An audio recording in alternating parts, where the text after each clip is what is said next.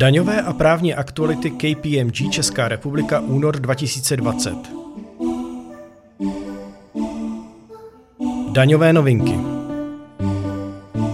Návrh novely zákona o DPH implementující tzv. quick fixes stále čeká na druhé čtení v poslanecké sněmovně. Na konci ledna vydalo generální finanční ředitelství informaci, v níž potvrzuje možnost přímého účinku evropské směrnice. To znamená, že české subjekty mohou podle evropských změn postupovat už od 1. ledna, ačkoliv ještě neproběhla implementace do vnitrostátního práva. Vláda neschválila třem žadatelům o investiční pobídky finanční podporu na pořízení dlouhodobého majetku. Podle kabinetu tyto investiční akce nenaplňují status strategických investic a hmotná podpora, jejímž cílem bylo přilákat zahraniční investory a podpořit zaměstnanost, s ohledem na současnou ekonomickou situaci své opodstatnění ztratila. Generální finanční ředitelství připravuje návrh informace k uplatňování DPH u tankovacích karet. Aktuálně kompletuje a analyzuje připomínky odborné veřejnosti. Původně plánovaná účinnost informace k 1. dubnu 2020 bude s největší pravděpodobností odložena.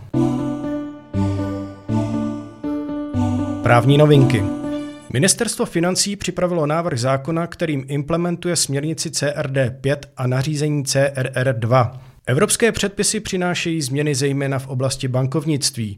Aktualizují hlavně pravidla týkající se kapitálové přiměřenosti a kapitálových rezerv, zpřísní také regulace finančních holdingových osob.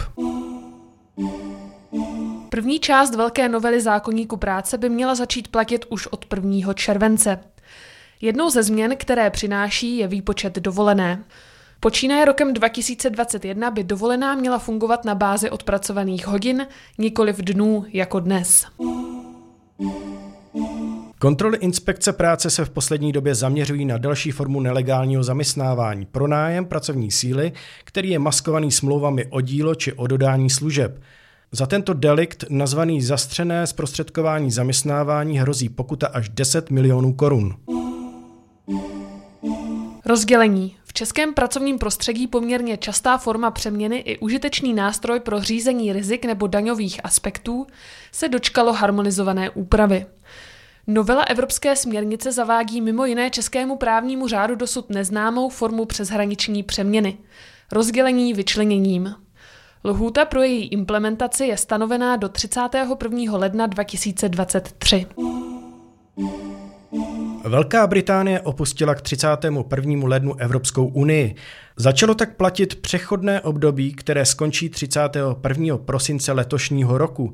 V tomto mezidobí se na občany Spojeného království bude nadále hledět jako na občany EU.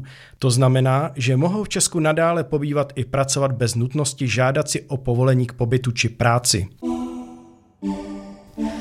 Nizozemský nejvyšší soud rozhodoval v případě zásady zákazu zneužití práva. Rozhodl ve prospěch daňové zprávy, kdy dividendy plynoucí z podstatného podílu v nizozemské společnosti od lucemburského holdingu vyhodnotil jako v Nizozemsku zdanitelné a celou strukturu jako umělou a zaměřenou především na vyhnutí se daní.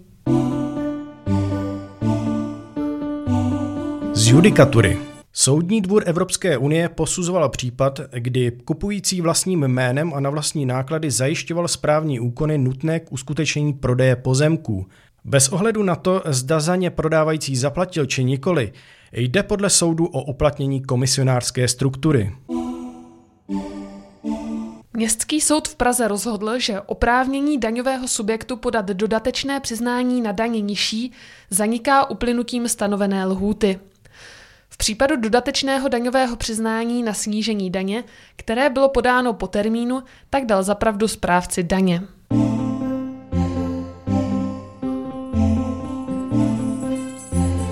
Krátce. Zákon o právu na digitální služby nabyl účinnosti. Garantuje občanům elektronickou komunikaci s úřady – Výjimku tvoří jen věci, které přes internet nejde vyřídit, například technická kontrola vozidla nebo vyzvednutí průkazu. Poslanecká sněmovna projednala ve druhém čtení novelu daňového řádu. Ta kromě zavedení portálu Moje daně navrhuje i prodloužení lhůty po vrácení nadměrného odpočtu DPH, změnu výše sazeb úroků z prodlení nebo zrušení pětidenní toleranční lhůty při pozdním podání daňového přiznání a platby daně.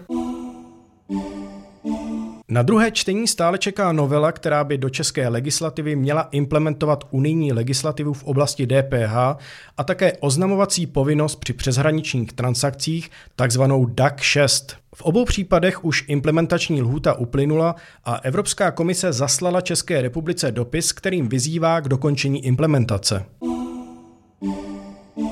Evropská komise představila Evropskou ekologickou dohodu. Orientační harmonogram zahrnuje i návrh na úpravu směrnice o zdanění energie k červnu 2021. Evropský parlament vyzval Evropskou komisi a členské státy, aby se dohodli na společném postoji ke zdanění digitální ekonomiky.